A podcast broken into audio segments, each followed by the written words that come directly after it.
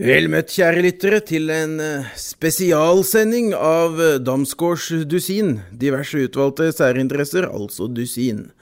Halloween står jo som kjent snart for døren, og i den anledning har redaksjonen bedt meg finne en skikkelig fæl spøkelseshistorie og eh, fortelle for dere. Og det har jeg gjort mitt beste for å greie, og jeg må si jeg har klart å lykkes ganske bra. Jeg har nemlig vært inne på creepypasta.com, som er eh, verdens mest anerkjente side for spøkelseshistorier, og funnet den historien som har slått best an i Norge, nemlig Den smilende mannen. Så eh, nå får dere bare sette dere godt til rette og beholde lyset på, jeg tror det er det tryggeste. Og så skal vi høre, da. Den smilende mann. For fem år siden bodde jeg i sentrum av en storby i USA. Jeg har alltid vært et nattmenneske, så jeg kjedet meg ofte på kvelden da romkameraten min, som definitivt ikke er noe nattmenneske, hadde lagt seg. For å få tiden til å gå pleide jeg å gå lange turer på kvelden. Dette gjorde jeg i fire år uten at jeg en eneste gang følte noen form for frykt, men alt det endret seg i løpet av bare noen få minutter denne kvelden. Det var en onsdagskveld mellom klokken ett og to på natten, og jeg vandret langs en politiovervåket park et godt stykke unna leiligheten min. Det var en veldig stille og rolig kveld, med lite trafikk og ingen fotgjengere ute, og parken var nesten helt tom. Jeg hadde akkurat gått ned en liten sidegate, en snarvei til leiligheten min, da jeg la merke til ham. Helt i den andre enden av gaten, på samme side som jeg sto på, så jeg silhuetten av en mann som danset, og det var en merkelig dans. Det lignet på en slags vals, men han avsluttet hver runde med et merkelig skritt frem. Du kan nesten si at han gådanset rett mot meg. Jeg antok at han var full, men gikk så nært fortauskanten som jeg klarte, slik at han enkelt kunne passere meg. Jo nærmere han kom, jo mer så jeg hvor utrolig elegant han beveget seg. Han var veldig høy og tynn, og hadde på seg en litt gammeldags dress. Han danset seg nærmere og nærmere, og til slutt så jeg ansiktet hans. Øynene hans var vidåpne og ville, hodet var bøyd lett bakover, og han stirret opp på himmelen. Munnen var formet i et nesten smertefullt hvitt smil, som tatt rett ut av en tegnefilm. Jeg bestemte meg for å krysse gata før han kom noe nærmere. Jeg så ikke på han mens jeg krysset den tomme gaten, men jeg kikket over skulderen min da jeg nådde den andre siden, og hjertet mitt hoppet over noen slag. Han hadde sluttet å danse, og var stående med én fot på gaten, helt parallelt med meg.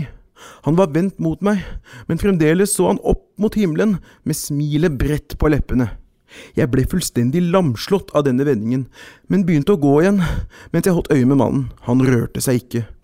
Etter at jeg hadde gått et stykke, måtte jeg sjekke gaten fremfor meg, og mistet han av syne et øyeblikk. Gaten foran meg var tom, og nervøs som jeg var, snudde jeg meg for å se hvor det var blitt av mannen. Han var ikke der lenger, og i et lite sekund følte jeg en utrolig lettelse. Så så jeg han igjen. Han hadde gått over gata og satt nå på huk. På grunn av avstanden kunne jeg ikke være helt sikker, men det så ut som om han var vendt mot meg. Jeg sverger på at jeg ikke slapp han av syne i mer enn ti sekunder, så han hadde åpenbart flyttet seg raskt. Jeg ble så sjokkert at jeg sto der en stund og bare stirret på ham. Så begynte han å bevege seg mot meg igjen. Han tok gigantiske, overdrevne tåspisssteg mot meg som en tegneseriefigur som sniker seg opp på noen, bortsett fra at han beveget seg ekstremt hurtig. På dette punktet ønsker jeg at jeg kunne fortelle at jeg sprang eller tok fram peppersprayen, men jeg sto bare der, helt frossen, mens den smilende mannen tok innpå meg. Plutselig stoppet han igjen, en billengde unna meg, ennå smilende, ennå stirrende opp mot himmelen. Da jeg endelig fant stemmen min igjen, stotret jeg fram det første jeg tenkte på. Jeg hadde ment å spørre Hva faen vil du? med en sint og kommanderende tone, men det som kom ut, var Hva faen? med en skjelvende stemme. Uavhengig av om mennesker kan lukte frykt, kan de iallfall høre det. Jeg hørte frykten i min egen stemme, og ble enda mer skremt, men han reagerte ikke i det hele tatt, bare fortsatte å smile. Etter det som føltes som en evighet, snudde han seg veldig sakte og danset seg vekk fra meg igjen. Jeg ville ikke snu meg fra han, så jeg bare så på mens han nesten forsvant ut av syne. Plutselig innså jeg to ting. Han beveget seg ikke bort lenger, og han hadde sluttet å danse. Jeg så på i pur skrekk på at silhuetten hans ble større og større, han var på vei mot meg igjen, og denne gangen løp han! Jeg sprang også, jeg sprang til jeg kom til en bedre belyst gate med litt trafikk, og da jeg endelig snudde meg, var han forduftet.